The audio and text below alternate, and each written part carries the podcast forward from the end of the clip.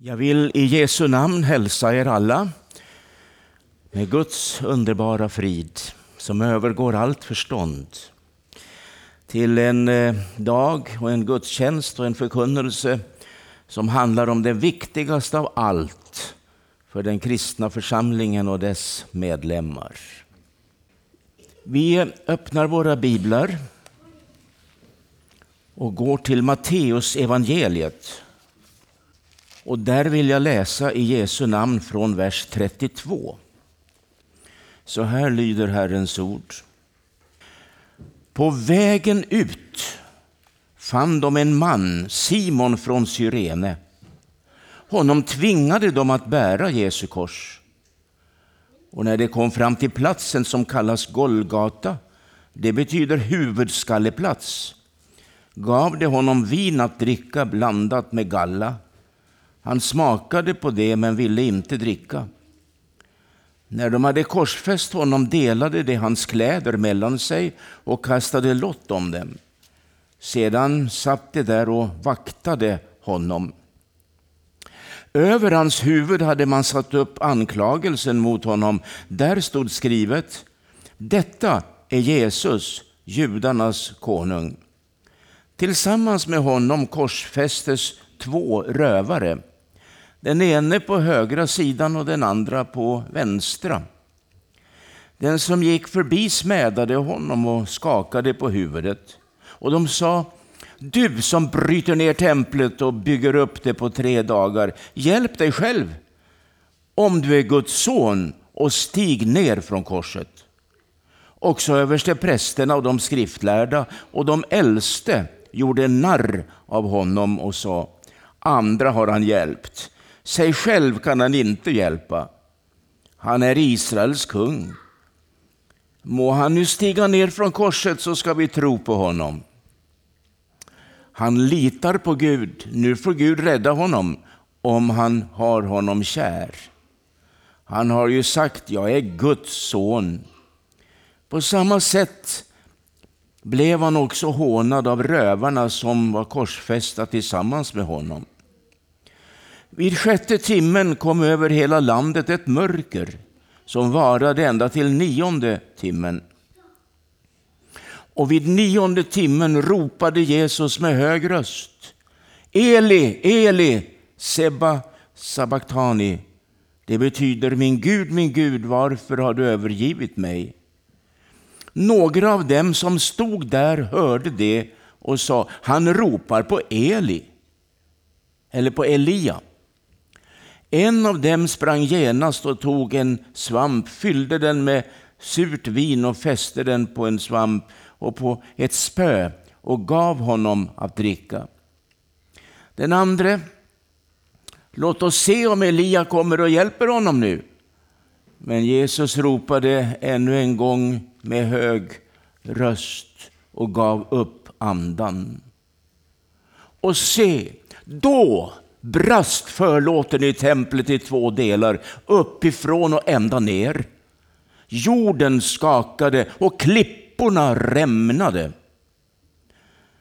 Gravarna öppnades och många heliga som hade insomnat fick liv i sina kroppar. Det gick efter hans uppståndelse ut ur gravarna och kom in i den heliga staden och visade sig för många. När officeren och de som tillsammans med honom bevakade Jesus såg jordbävningen och det som hände blev de mycket förskräckta och sa, denne var verkligen Guds son.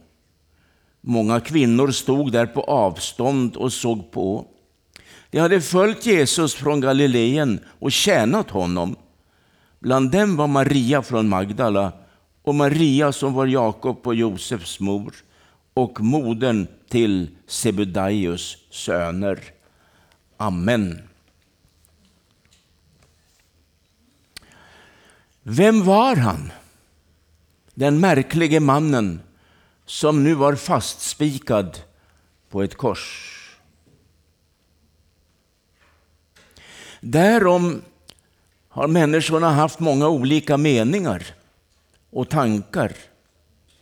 Och jag skriver i ett av mina kapitel i boken Att vandra med Jesus just om detta, vilka märkvärdiga och konstiga uppfattningar man har haft genom historien om Jesus.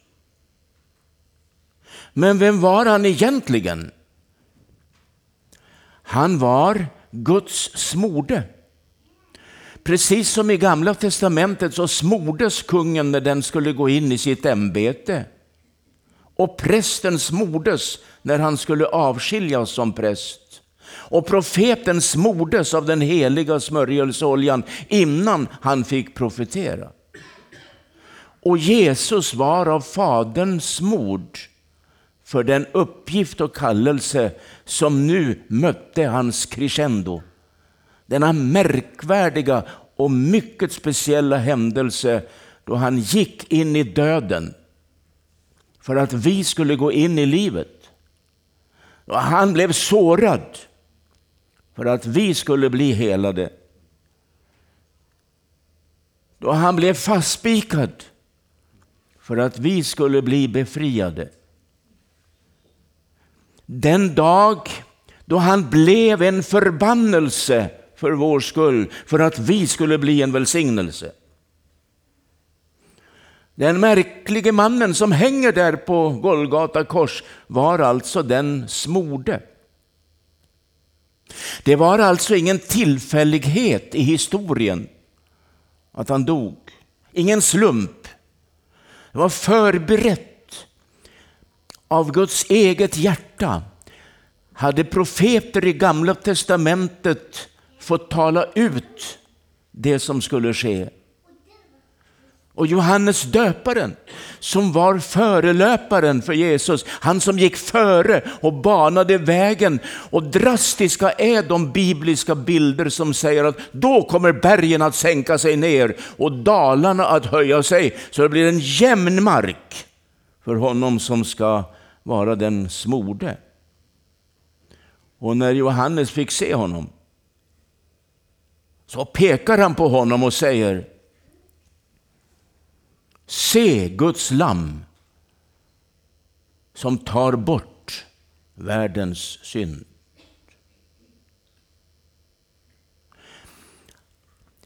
Han var den smorde, men därmed var han också lammet. Och det är en märklig benämning på Jesus, lammet. Och går du ut i någon stor europeisk stad som Stockholm eller någon annan stor stad ute i Europa och börjar predika på torget om lammet, då tror inte folken att du är riktigt klok för att ett kreatur kan väl inte frälsa världen.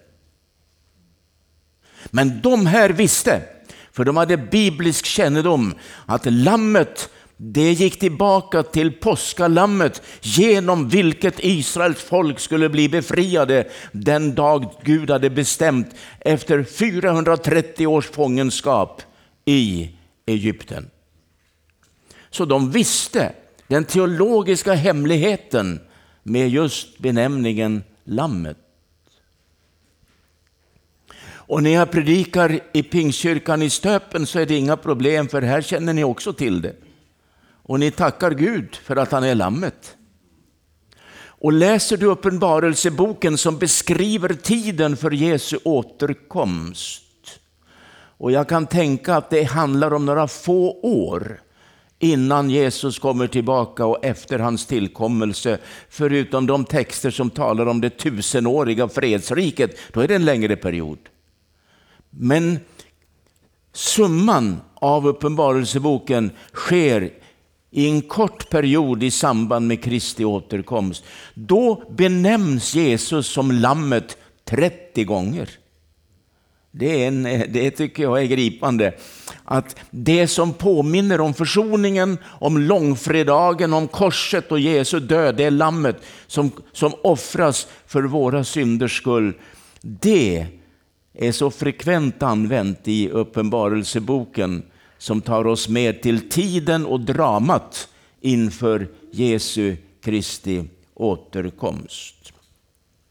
Jesus är alltså offerlammet och det fick profeten Jesaja se när han såg denna vision och tog emot denna profetia som skulle inträffa när Jesus hade kommit hit till jorden för första gången. Han säger nämligen och skriver i det 53 kapitlet, likt ett lamm som föres bort för att slaktas.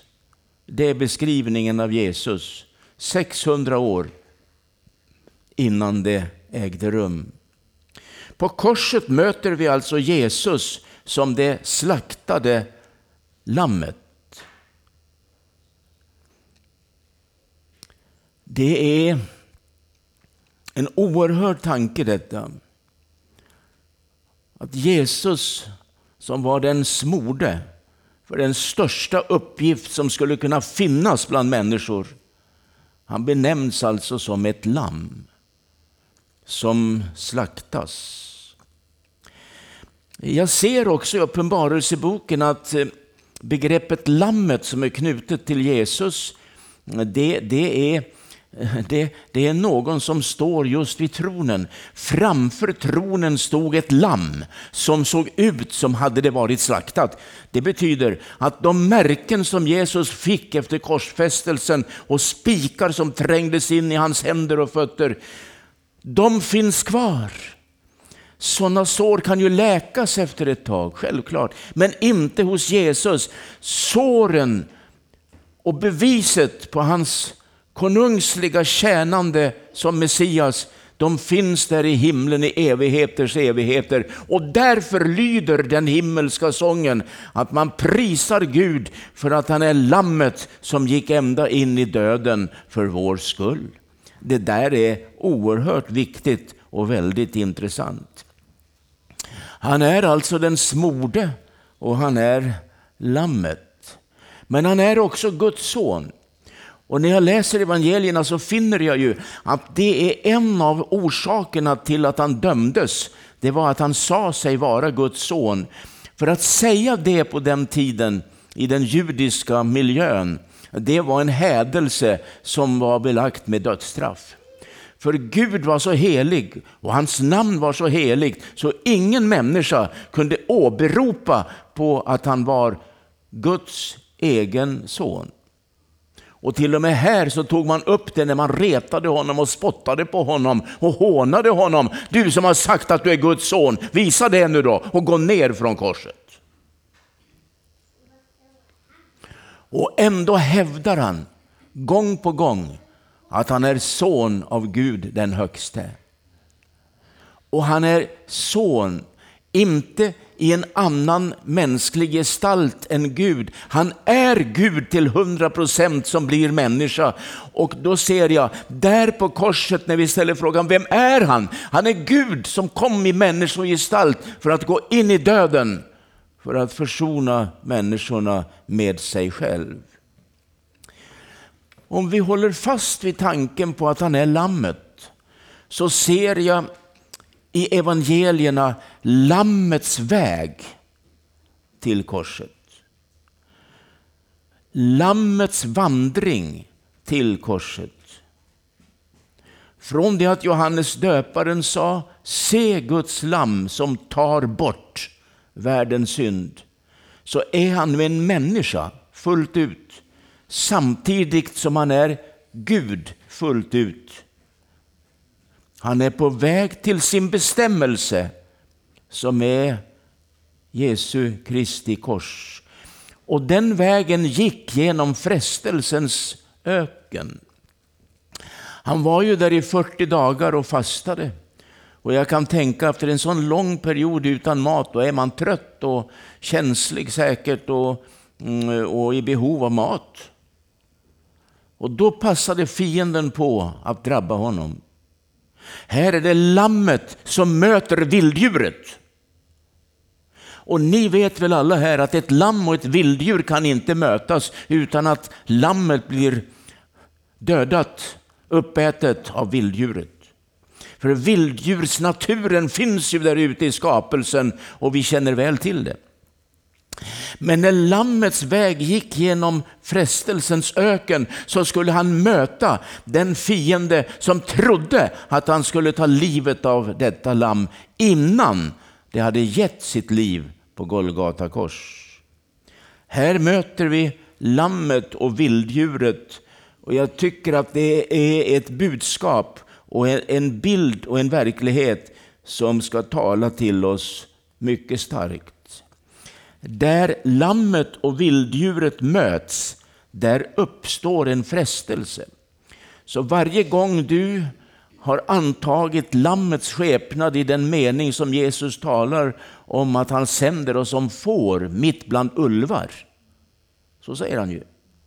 Så är du, så är du ett lätt byte för ulvarna. Om du inte förstår lammets innebörd. För han vann seger över vilddjuret redan där i öknen i frestelsens tid. Där lammet och vilddjuret möts, där reses ett kors. För om du ska vinna seger över dina vilddjur och dina motståndare som i grunden är fienden själv, det är djävulen, så kan du inte resa köttets kors eller egoismens kors eller religionens kors, det duger inte. Det finns bara ett enda kors som duger i din kamp mot ondskan och det är Jesu Kristi kors. Och lammet var nu på väg till det korset och inget annat kors. Där lammet och vilddjuret möts reses alltså korset och då är vi framme vid Jesu vandring vid långfredagen. Där möttes de båda i ett avgörande slag. Här skulle det avgöras. Och Jesus vann en fullkomlig seger. Nu borde ni sagt amen och halleluja. Något i alla fall borde ni ha sagt när jag säger någonting så bra.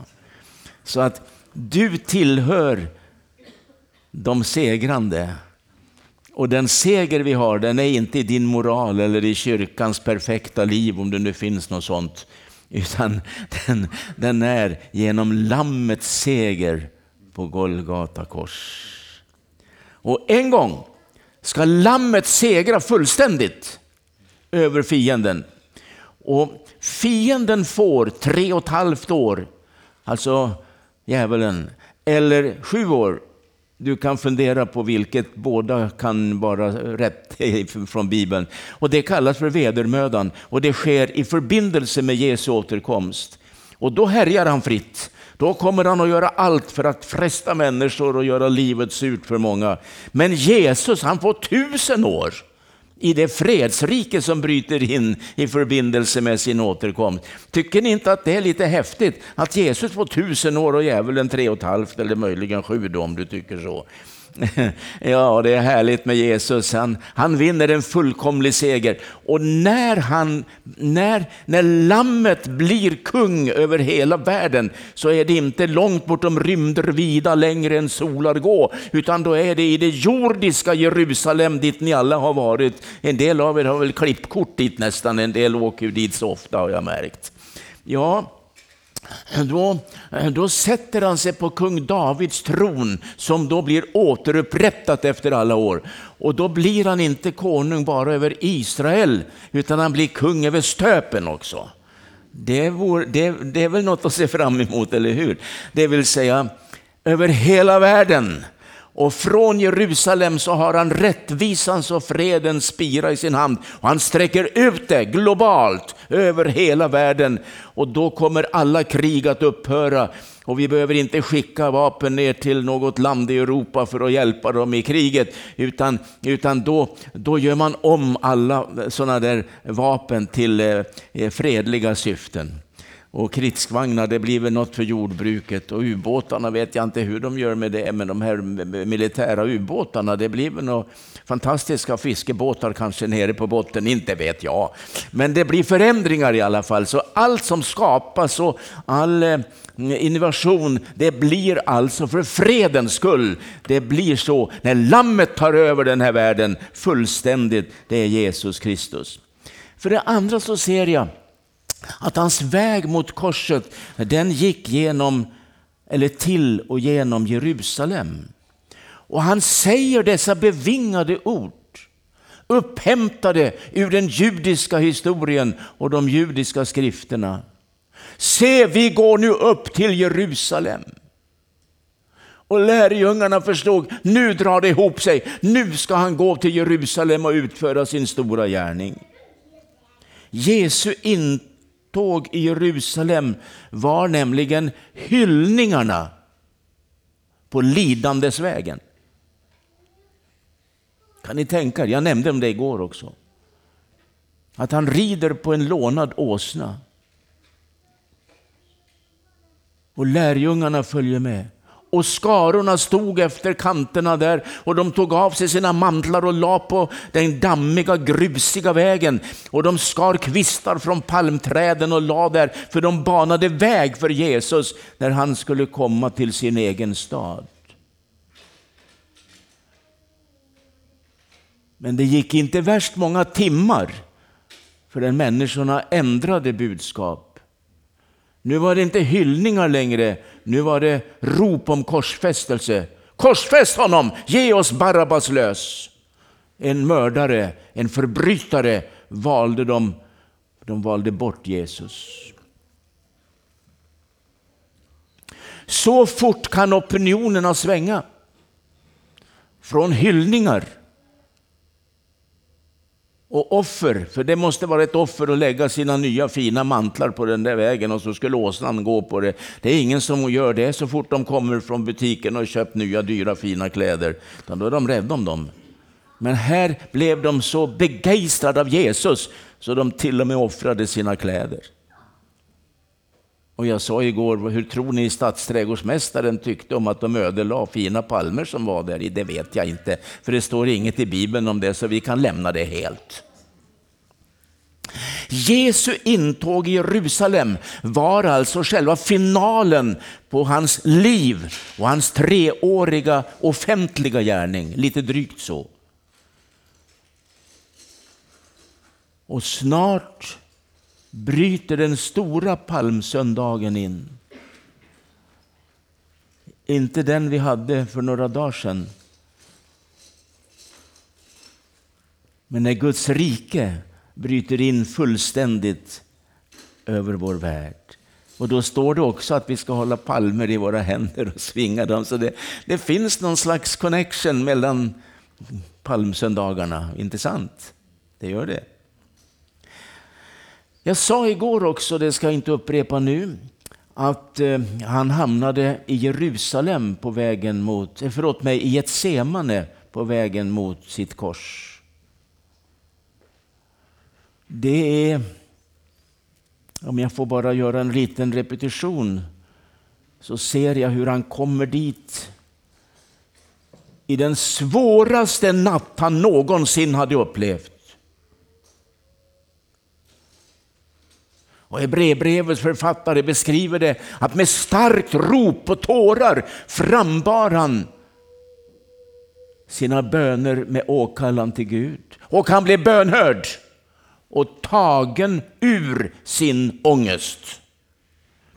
Den natten i ett semane hade Jesus ångest. Han visste vad som skulle komma och det var därför han sa till sina närmaste medarbetare i lärjungakretsen. Stanna här för nu måste jag ha bönehjälp. Jag, kan, jag måste gå ett stycke längre in i ett semane. För min kamp måste jag göra ensam själv. Jag kan inte ha någon med mig, men ni kan be för mig.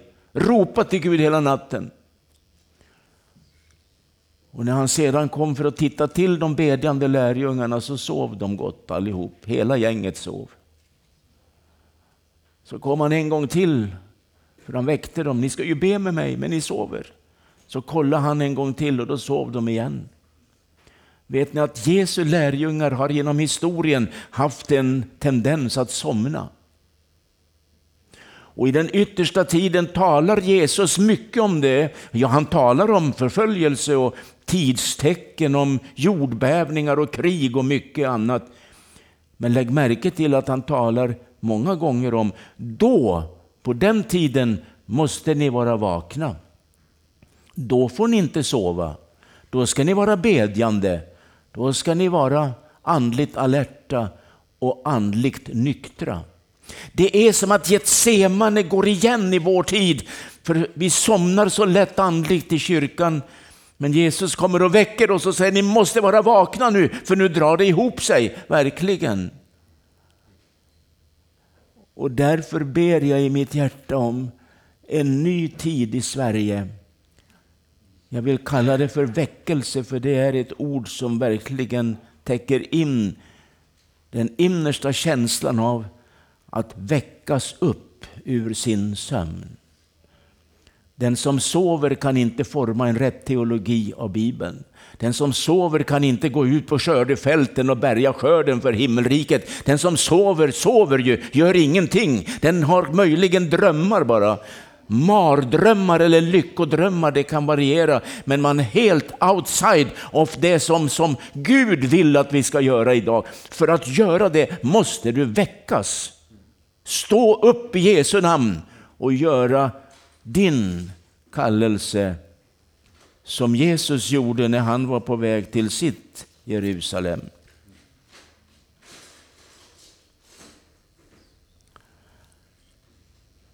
När Jesus var på väg till sitt livs avslutning så var han på väg till sitt kors.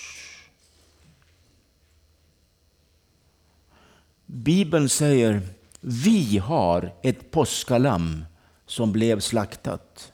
Vi har, vi äger. Han tillhör oss. Det är så lätt att tala om Jesus som den förhärligade Jesus och han som kommer och han har härlighet och det är så underbart, så fantastiskt. Men om vi glömmer den här sidan så har vi inte den andra heller. Vi måste förstå att Jesu död på Golgata kors, det är det faktum att han hade lammets sinne och lejonets kraft. Det där är intressant. Han säger ju själv att han är lammet. Och det, det heter också i Uppenbarelseboken 5 om Jesus att han är ett lejon. Han är lejonet av Juda. Kraften Styrkan av ett lejon, det är identiteten av Jesus. Samtidigt som han i sin natur är lammet som är tyst inför den som klipper det. Ger sig frivilligt. Inget motstånd.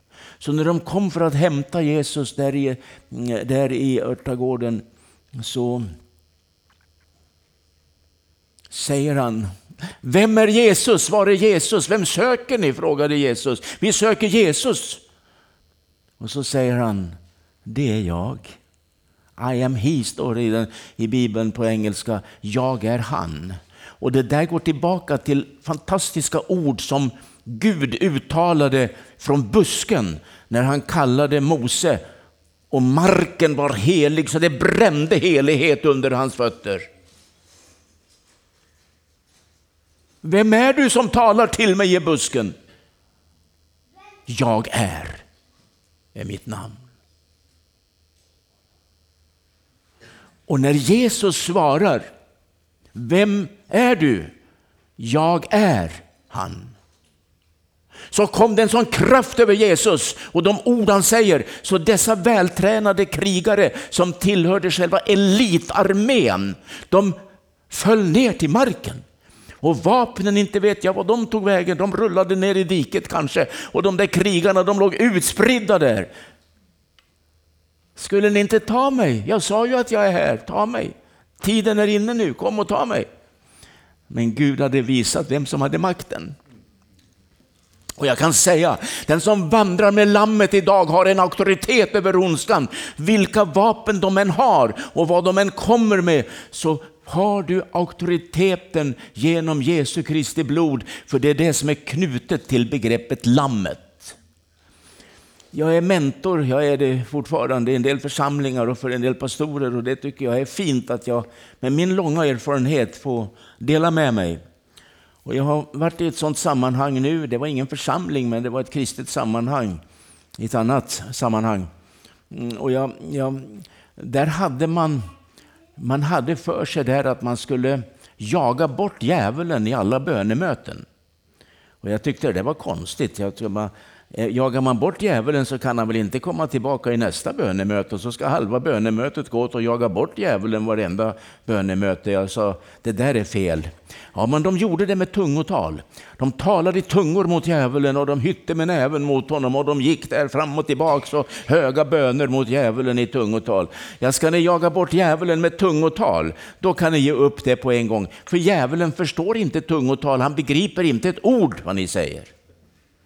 Så ni säger i tungotal att han ska försvinna, då, då ler han lite åt er. Ni pratar ett språk som inte jag förstår. Så jag bryr mig inte om vad ni säger. Det är dumt, eller hur? Onödig krigföring. En del håller på att det ska vara så mycket krigföring. Men han har ju vunnit seger redan, det är ju klart.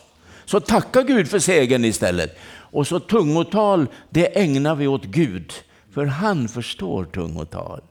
Tänk att få flöda i tungotal till Fadern i himlen. Jag förstår det inte med mitt intellekt, men mitt djupa, min djupa identitet förstår det, fast jag inte kan översätta det till mitt språk som jag kan förstå. Men Gud vet. Amen. Det är underbart.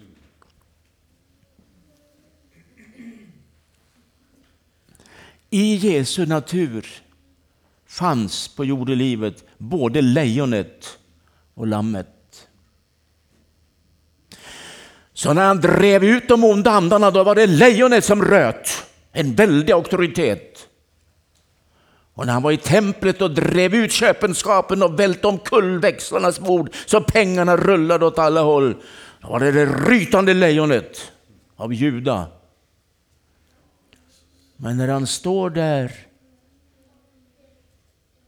och ser dessa krigare komma med sina vapen och frågar Vi är här för att söka Jesus från Nasaret, var är han? Det är jag, sa Jesus. Varsågoda, ta mig. Då föll de till marken allihop, fullständigt utslagna. Vi måste förstå att i Jesu natur fanns både lammet och lejonet. Och i kyrkans natur och i kyrkans uppgift, och då talar jag inte om det kollektiva, då talar jag om varje medlem, broder Karlsson och syster Svensson och allt annat som ni kan heta. Individuell Jesusrelation.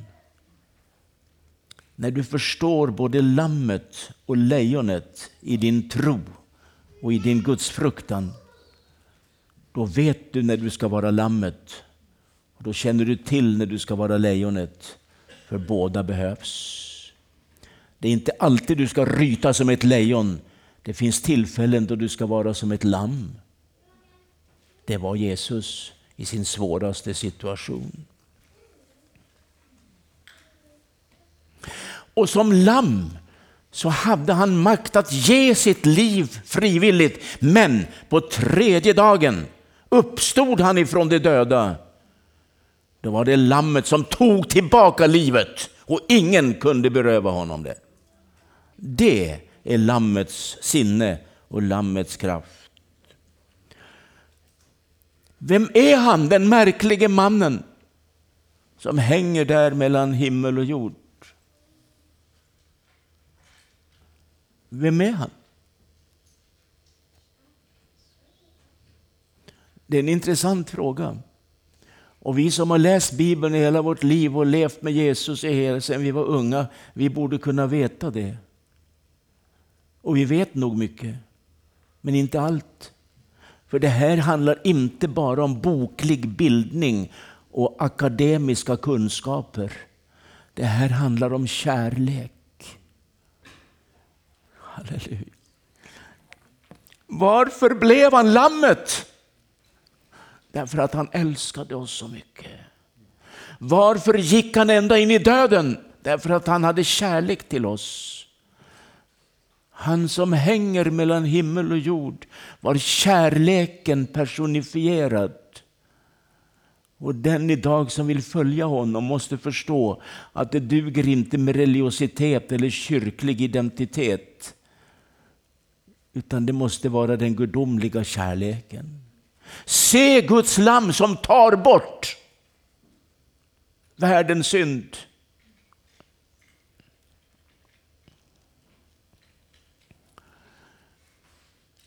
Jag vet att det är många förkunnare, präster och pastorer och andra som känner sig obekväma med att tala om synd. Man talar hellre om våra brister kanske eller någonting annat, man har andra ord för det. Men Bibeln talar om synd. Och Jesus stora uppgift det var att ta bort världens synd. Och i kyrkan i ämnetiden vill man inte använda det ordet. Det största, märkvärdigaste ord vi har, att han kom som lammet, inte för att fly bort från synd, inte för att förneka synd, utan för att ta bort den. Det är evangeliets stora hemlighet. Så när det kommer en syndare som vill bli frälst så, så, måste, så får du inte förneka synden och säga att du är bra som du är.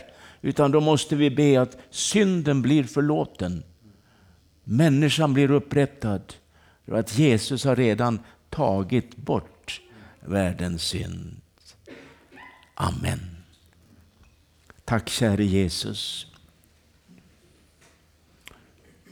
För att du kom som lammet och gav ditt blod. Och tack att vi får bekänna Jesu Kristi blod i vår, också, i vår relation till ondskan och till fienden. Tack att det är en auktoritet och fienden flyr. Och jag ber dig, käre Jesus, om nåd att i den här svåra tiden kunna vara och gestalta både lammets sinne och lejonets kraft när det så behövs. I Faderns och Sonens och den helige Andes namn. Amen.